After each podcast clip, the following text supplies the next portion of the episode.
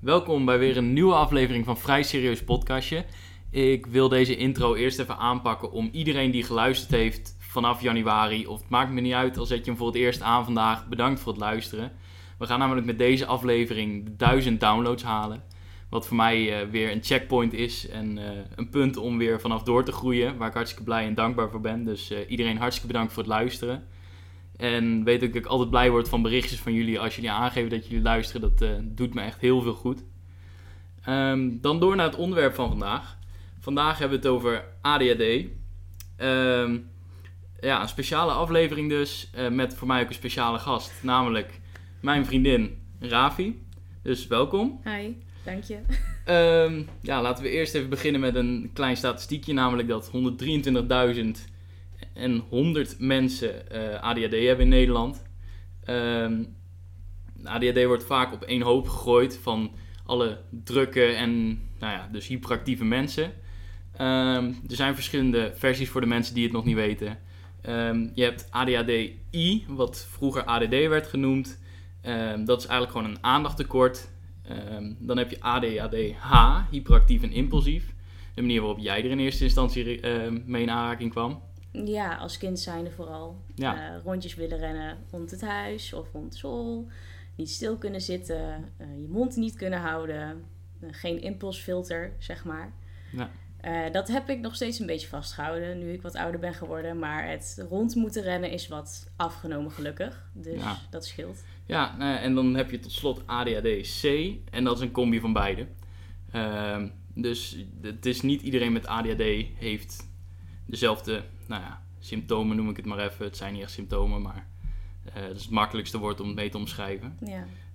Um, ik wil allereerst even vragen, um, op wat voor manier het, want je zegt dus net uh, als kind zijnde uit het zich uh, als in of druk zijn.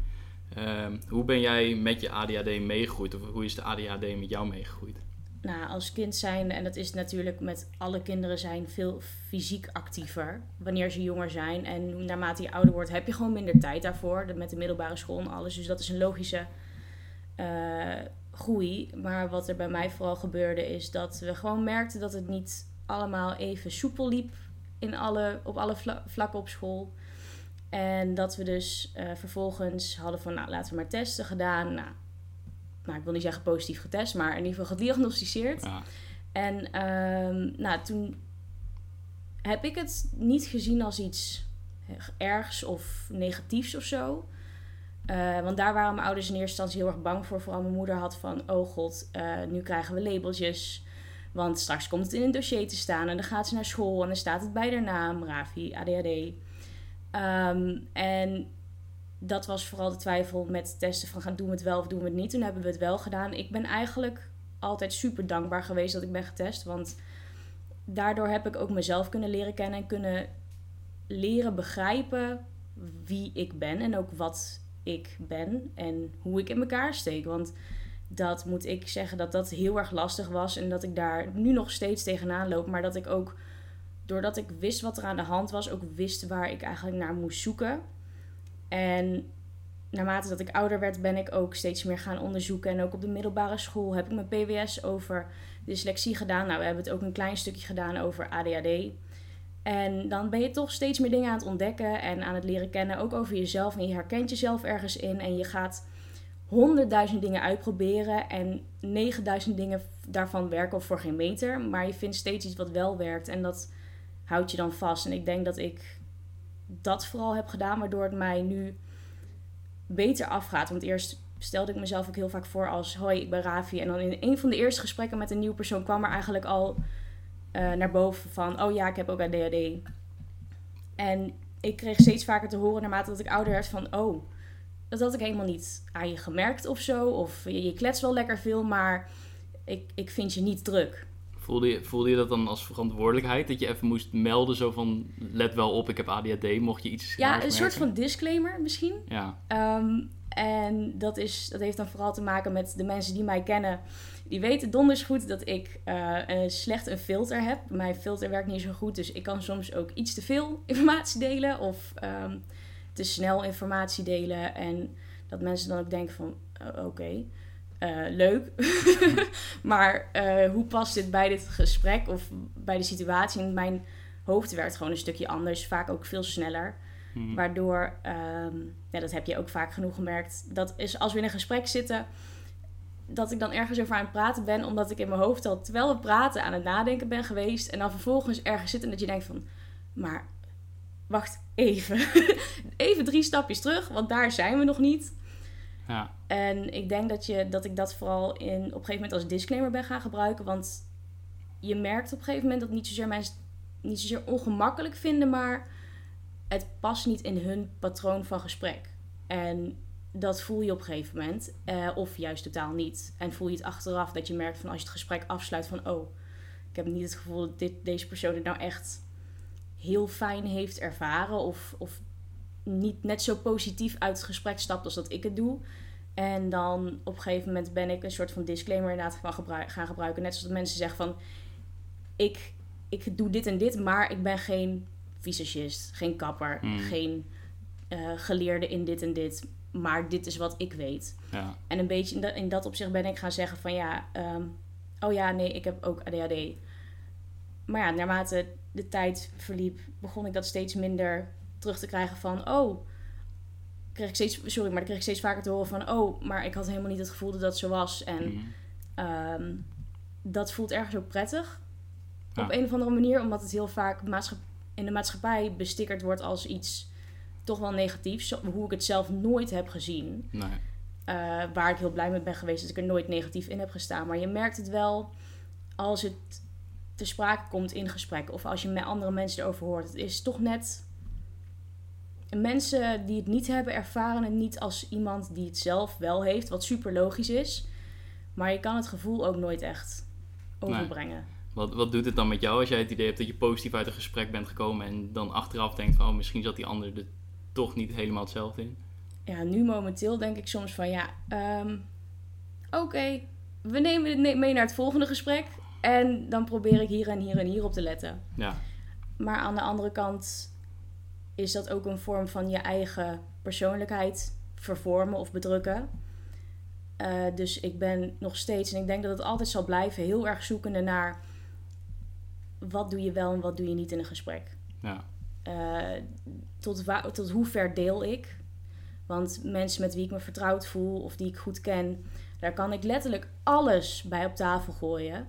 Terwijl het ook niet altijd voor iedereen nodig is. En daarvoor, ik moet bijvoorbeeld ook leren om een persoon te kiezen. En eigenlijk is het gewoon steeds een, een, een trial and error. Want het is echt letterlijk, oké, dit gesprek ging heel goed. En dan kom je er heel fijn uit en de persoon, andere persoon komt er hetzelfde uit. En dat is top. Ehm, maar dat is het lastige, want ADHD, er zijn verschillende vormen van, zoals je toen net zei. Ja. Maar los van die verschillende vormen zijn er verschillende personen die iets hebben. En iedereen heeft een andere versie. Iedereen heeft iets anders, maar zo zijn de mensen die het niet hebben ook. Iedereen heeft iets anders. Dus de een kan ik heel goed mee en die snapt precies hoe ik ben en wat ik bedoel, ondanks dat hij zelf niks heeft. Of weet ik veel wat. En een ander die ook niks heeft, die kan soms totaal niet snappen waar ik vandaan kom of überhaupt wat mijn gedachtegang is. Wat het doet botsen. Je kan alleen maar er- ervan leren, maar het blijft lastig. En er gaan fouten gemaakt blijven worden. Hmm. Ik denk totdat ik doodga. ja. Maar misschien moet je het niet zien als fouten. En ik denk Ja, dat een dat mooi, vo- mooi voorbeeld is wel... ehm, jij komt natuurlijk al langere tijd ook bij mijn ouders thuis. ja, ja. En ehm, kijk, ik, ik ga natuurlijk veel meer met jou om. Maar als we dan om de week thuis kwamen bij mij of zo, dan ehm, kwamen standaard de opmerkingen van Raaf, je hebt je pilletje op, eh, op tafel. En gewoon, echt gewoon, zelfs nou ja, toen je een half jaar, drie kwart jaar bij mij thuis rondliep, dat het nog steeds was van Nu nog steeds. eigenlijk de standaard opmerking over ADHD maken. Van oh, druk. eh, en er ook vanuit gaan dat het zo gaat, zonder echt Ja. door te vragen.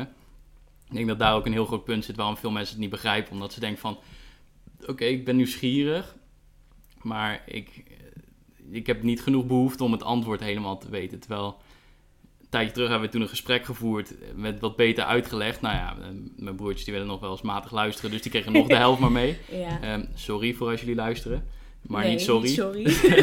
En, ehm, maar bijvoorbeeld mijn moeder, die heeft toen wel echt, er ging toen een deur voor open. Ja. En ik denk dat dat ook wel belangrijk is. ehm, met, met alles sowieso, weet je, daar gaat ook deze hele podcast over. Maar dat je gewoon open staat en juist die vragen stelt. Want ik weet van jou dat je er heel erg voor open staat. Ik merk ondertussen Ja. dat alle andere mensen met alle onderwerpen er best wel voor open staan. Ja. Zolang je op de juiste manier een vraag stelt, uiteraard.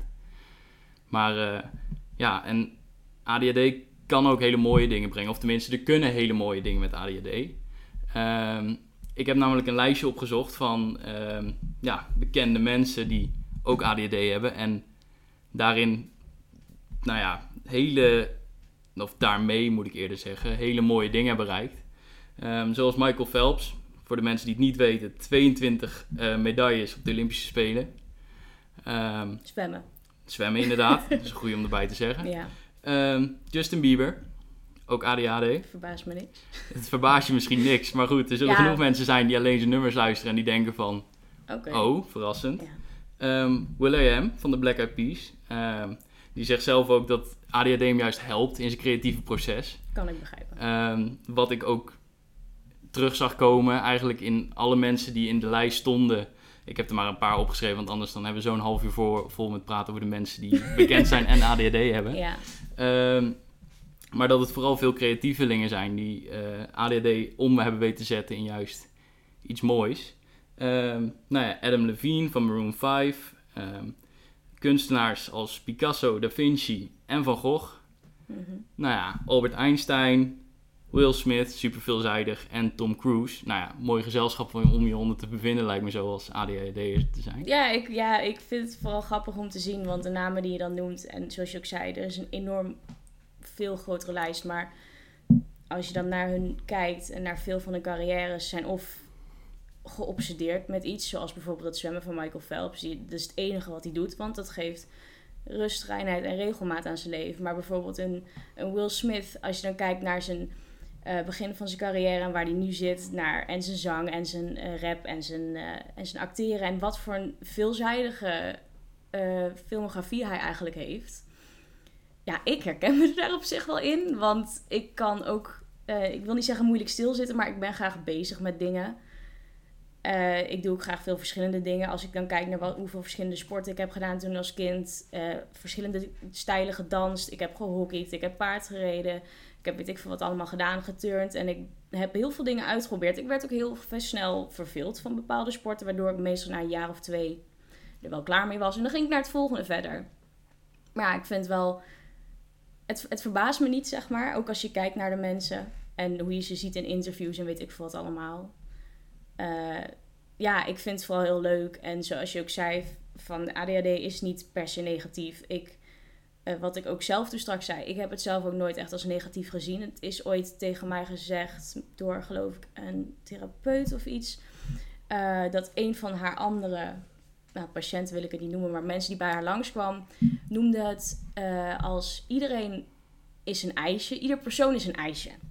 En ehm, de een heeft ADHD, dat is een sausje. En de ander heeft misschien autisme. En dat zijn de sprinkles die eroverheen gaan. En de ander heeft dit. En dat zijn de chocoladevlokken door het ijs heen. En die heeft dat smaakje. En die heeft dat smaakje. En iedereen is een ijsje. Iedereen is zijn eigen ijsje met zijn eigen toppings of smaakjes eraan. En ehm, ik denk omdat dat best wel jong tegen mij gezegd was, dat ik dat heb aan kunnen houden. En dat, dat ook mijn blik op ADHD zelf heel erg positief heeft gemaakt. Eh, ja, ik heb er nooit. eh, ik heb er natuurlijk negatieve ervaringen mee gehad. Ik heb, ik heb het moeite mee gehad op de middelbare school. Met eh, in de eerste en de tweede dat ik. Ik ben gewoon best wel slim en ik deed heel veel dingen met twee vingers in mijn neus. En vervolgens in de derde kreeg je er nog heel veel vakken bij. En toen moest ik alles ook zelf meer gaan regelen. Moest je zelfstandiger gaan plannen en werken. En kreeg je toetsweken, want die hadden wij niet in de eerste en de tweede. En dan wordt er ineens heel veel discipline van je gevraagd. En als het ineens moet, uit het niets, dan denk je van, oh, eh, oké, wacht even, eh, hoe moet dit?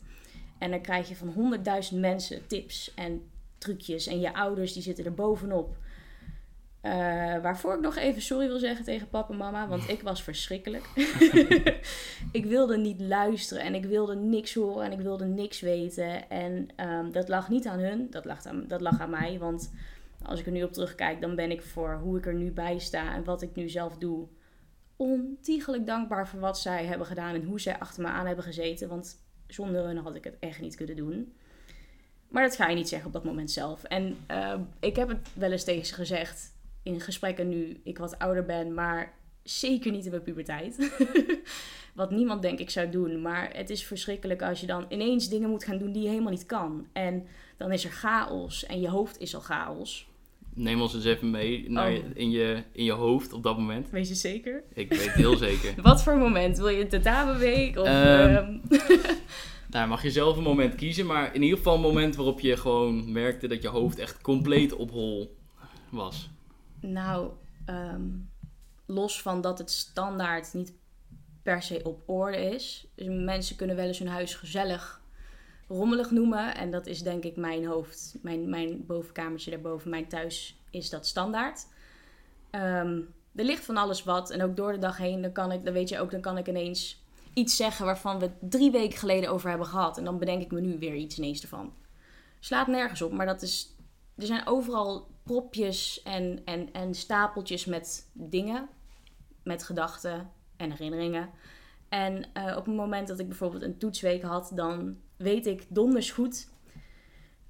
Laten we zeggen, we zitten nu twee weken voor toetsweek. Oké, ik moet echt beginnen met leren. Ik ga een planning maken. Dus dan maakte ik een planning. Ik maakte de mooiste planningen. Die kon je inlijsten. Die waren zo perfect. Dat sloeg nergens op. Um, en dan, zou ik dan, de, dan maakte ik planning. En dan zou ik de volgende dag moeten beginnen. En dan kwam ik thuis van school. En dan ging ik tv kijken. En dan deed ik niks. En dan dacht ik, oké, dan ga ik nog even vijf minuten kijken. En dan ga ik daarna beginnen. Nou, dat gebeurde uiteindelijk niet. Dag voorbij. Oké, nou, dan, dan, dan kijk je naar de planning en dan zeg je... oké, dit kan ik hier wel bij, bij zetten en dan doen we het er even bij. Eventjes meer vandaag, maar dat lukt wel. Nou, vervolgens doe je eigenlijk weer niks. Uh, en dat, komt, dat, dat gaat zo dagelijks een beetje door, totdat je een week van tevoren zit. Want dan gaat, gaat papa en mama vragen van... hey Ravi, heb je niet volgende week toetsen? Uh, ja. Ben je al begonnen met leren? Uh, ja. Nee, dat ben je helemaal niet. Maar hoe komt het dan dat je dat niet gaat doen? Is dat dan, zeggen, omdat er zoveel dingen in je hoofd bezig zijn dat je er niet aan toe komt? Of... Ah, vaak, er zijn vast wel mensen die dit herkennen, maar dan het, het klassieke uitstelgedrag, denk ik. Dan kom je op je kamer, want dan ga je eindelijk de tv uit, heb je uitgezet, je gaat eindelijk naar boven om te leren. Je zit aan je bureau en je ziet nagellak staan. Oh, oh ja, dat is ook leuk. Ik ga mijn nagels lakken. En dan ben je daar wel een uur mee bezig. En dan denk je van, nee, nu moet ik echt gaan leren. Dan doe je je boek open. En dan valt er een blaadje uit, want je hebt met, tekens, met tekenen een tekeningetje gemaakt. Je denkt van, oh nee, ik wil tekenen. Dan ga je vervolgens je schetsboek erbij pakken of een ander plaatje. Dan ga je tekenen. En je merkt ook, ook aan mijn tempo van praten, het, het gaat ineens veel sneller. Want het mm. is, dat is ook, het gaat zo snel. En ook in mijn hoofd, mijn gedachten, ook nu de hele dag al, staan op tilt. En uh, dat maakt het gewoon lastig, want je weet donders goed dat je moet gaan leren. Al helemaal als je dan op een gegeven moment komt bij die laatste week voor de toetsen. Je weet het donders goed, maar het lukt niet of zo. De discipline heb je niet. Die mis je vaak ook als ADHD'er. Wat uh, als puber, maar als ADHD'er nog, ADHD'er nog heel erg meer. En um, dat is echt... Je moet er echt aan trekken. En ik ben op een gegeven moment ook niet meer op mijn kamer gaan studeren. Ik denk dat we nu in de derde periode van het derde jaar zitten dat ik eindelijk door heb van oké, als ik wil leren, dan moet ik in een omgeving zitten waar ik ook wil laten zien dat ik leer. Dus echt een beetje van kijk mij, ik leer. Uh, dus ik ging aan de eettafel leren. En uh, mijn zusje zat dan ook vaak naast me te leren. En dat was dan ook soort van motiverend. Want hmm. die was echt een stukje gedisciplineerder dan ik. En ik zou willen dat ik heb wat zij heeft. Maar um, dat heeft mij ook geholpen. Want op een gegeven moment dacht ik van ja, shit. Die doet het gewoon beter dan ik. Mijn zusje doet het beter dan ik. Um, dat wil ik eigenlijk liever niet. Want ik ben hier de oudste. Ik moet hier het goede voorbeeld mhm. geven. En dan vervolgens ga je er toch iets meer aan staan. En toen uiteindelijk aan het einde van het derde jaar had ik zo van... Oké, ik heb het geloof ik een beetje op orde. Aan het einde van het derde jaar. En dan begin je het vierde jaar. En dan begint het hele liedje gewoon weer vanaf aan. Ja. ja, nou denk ik dat dit niet echt iets is wat alleen bij ADHD is voorkomen. Maar vooral het stuk wat je hiervoor omschrijft inderdaad. Van uh, van nagellakken naar toevallige tekening tegenkomen, naar echt van de hak op de tak en alle kanten op schieten. En uh, wat je zegt, het komt inderdaad in gesprekken met ons ook altijd uh, wel voor dat we dan inderdaad een gesprek hebben. Of dan zijn we even, valt er een stilte en dan halve minuut daarna dan is het ineens boef, er, er komt er iets naar boven en dan is het voor een heel verhaal en is het... ehm, je moet me even bijpraten waar in de week ik het ook weer moet zoeken, dit onderwerp. Ja. Ehm, maar goed, dat, dat brengt me bij een volgend onderwerp. Wat ik, ik krijg natuurlijk ook ehm, opmerkingen van mensen over het feit dat ik met jou ben. Ehm, en dan het feit dat ik samen ben met iemand met ADHD. Ja. Kijk, dat ik met jou ben is weer een heel ander verhaal. Oh ja, dat zijn heel, heel ander commentaar. Maar ehm, dan wordt mij nog wel eens gevraagd van ja, ik, ik snap niet hoe je het volhoudt. Of eh, nee, maar jij kan er goed mee omgaan. eh, want jij weet hoe je dat aan moet pakken. En dan, je bent eh, ondertussen wel getraind. Precies, Ja. die opmerkingen. ehm, maar ik denk dat ook een belangrijk punt om te belichten is, ehm, is dat op het moment dat jij buiten bent, krijg je veel meer prikkels binnen. En die dus, wat jij al zei, moeilijk te filteren zijn. En dat je dus op het moment dat jij buiten bent, veel eh, ja, meer, nou, moeite hebt met ADHD of met je prikkels verwerken. Dan wanneer je thuis bent hier. Als wij hier met z'n tweeën zijn, dan zijn wij super relaxed. En dan is het juist, dan ben ik de drukke. Ja, Dan ben ik de, de, de, de ADHD'er van het stel, maar zeggen. Mhm. En dat is een kant die mensen natuurlijk vaak niet zien. ja, ik denk dat, dat dat weten mijn collega's denk ik ondertussen ook wel heel goed. Ehm, ik haal energie uit mijn omgeving. Ik, ha- ik, ik weerspiegel de energie van mijn omgeving. Ik denk dat ik het zo het beste kan zeggen. Want inderdaad, als ik met jou ben, jij kan ook heel relaxed zijn. Eh, de meeste mensen kennen jou als die relaxte gast die niet zoveel stresst. Eh, en dan sta ik te stuiteren met mijn stresshoofd. Weet je, dat is een beetje het beeld wat mensen hebben, inderdaad. Ehm, ja, ik weerspiegel denk ik het, de energie die om mij heen heerst. Dus op het moment dat er een werksfeer heerst, dan, dan ben ik ook een werkpaard. En dan ga ik ook als echt als een dolle ben ik ook aan het werk. En dat gaat ook gewoon goed. Ehm, en als ik bij iemand ben die gewoon rustig is of relaxed is, dan ben ik ook rustig en relaxed. En dan zit ik ook gewoon mijn boekje te lezen naast jou of eh, bij mijn ouders. Maar op het moment dat ik bij jullie thuis ben bijvoorbeeld, ik bedoel, ik kom uit een gezin met, ik heb één zusje en mijn ouders. En jij hebt twee broertjes en een zusje en je ouders en een heel ander huis. En er zijn Aanhang ook nog. aanhang en honden. Eh, ik ben hondengek. Eh, dus dat soort dingen, dat, dat, dat, geeft, dat zijn prikkels. En mensen kunnen prikkels filteren. En mensen met ADHD kunnen prikkels filteren, maar slecht. Dus alles wat ik binnenkrijg, daar wil ik op reageren. Dus ehm, heel je Janneke beschreven is letterlijk... eh, je zit in je klaslokaal of je zit in een kamer en je ziet, iets, je ziet iemand voorbij lopen langs het raam van je huis en je kijkt wat er langs loopt.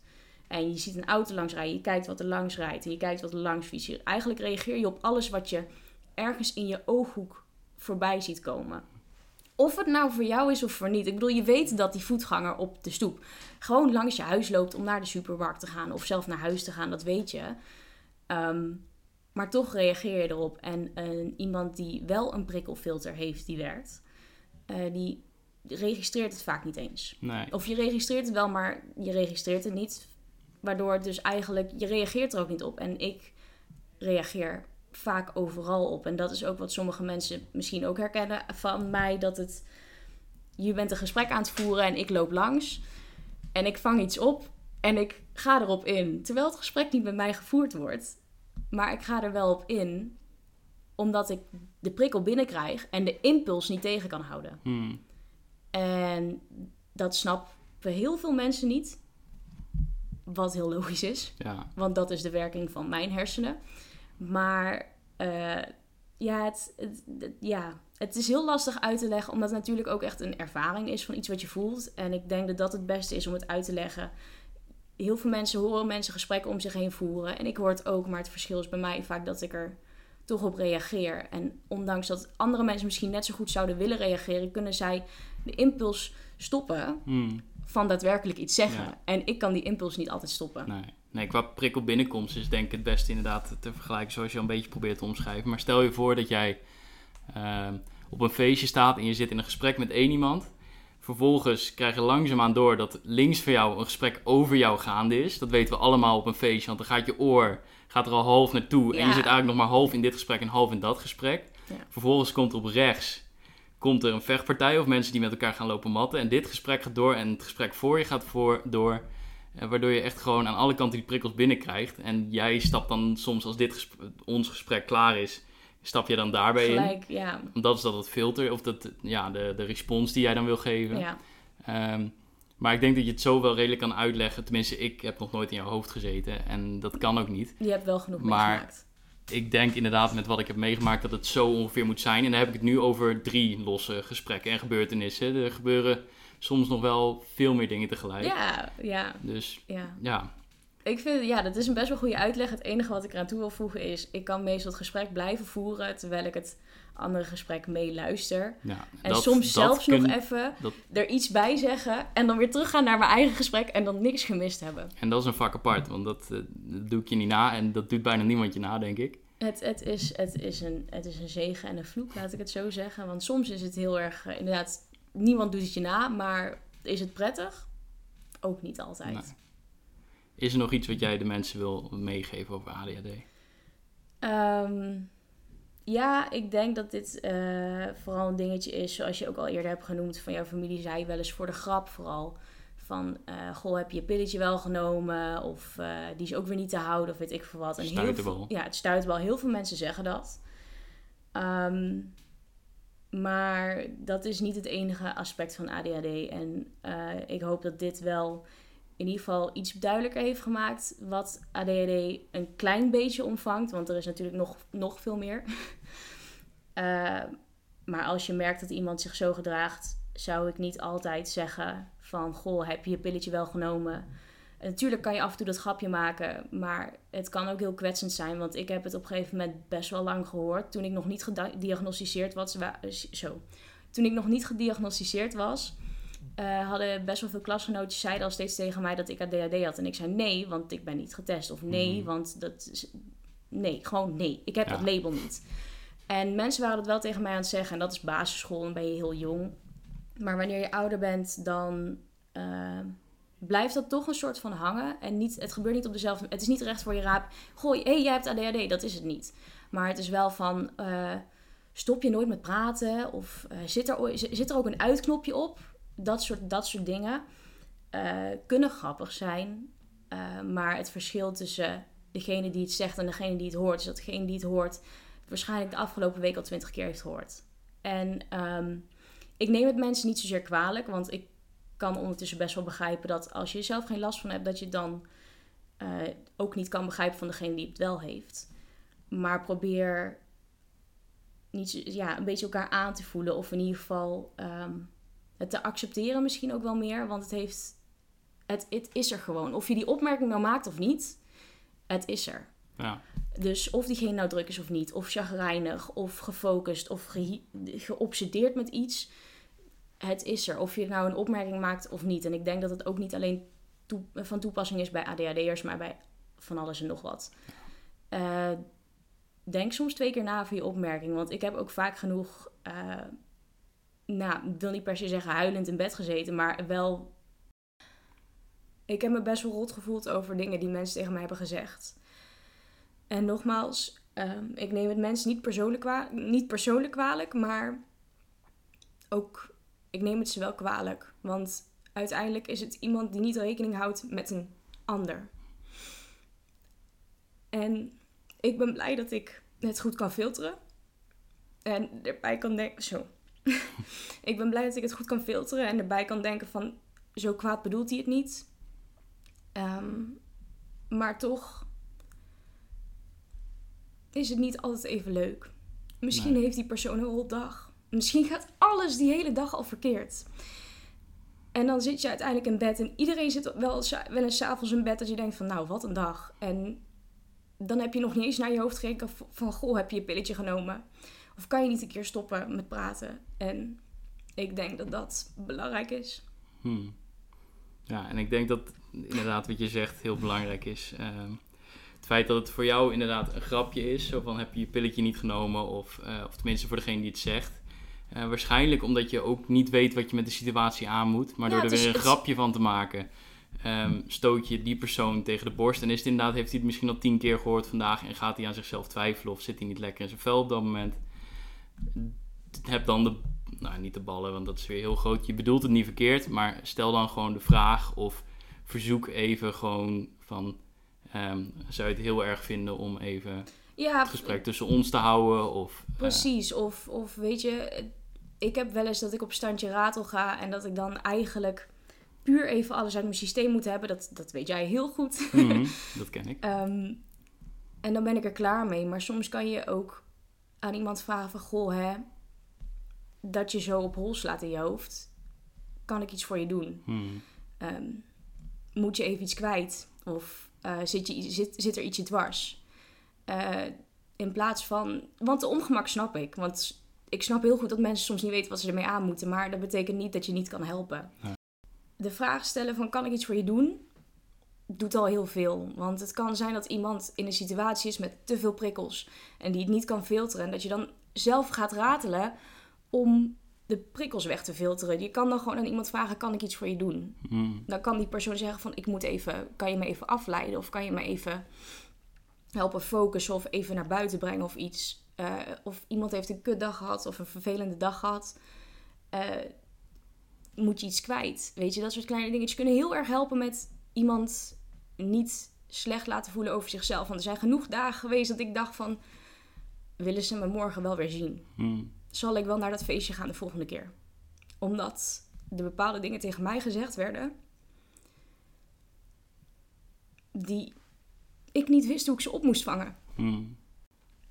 En ik denk dat als je daaraan werkt als persoon, ah, of in ieder geval op let, bewust van bent van: oké, ehm, je kan er altijd ook een disclaimer achter zetten. Zoals ik ook altijd deed met: ja, ik heb ADHD. Ik bedoel het niet verkeerd. Mhm.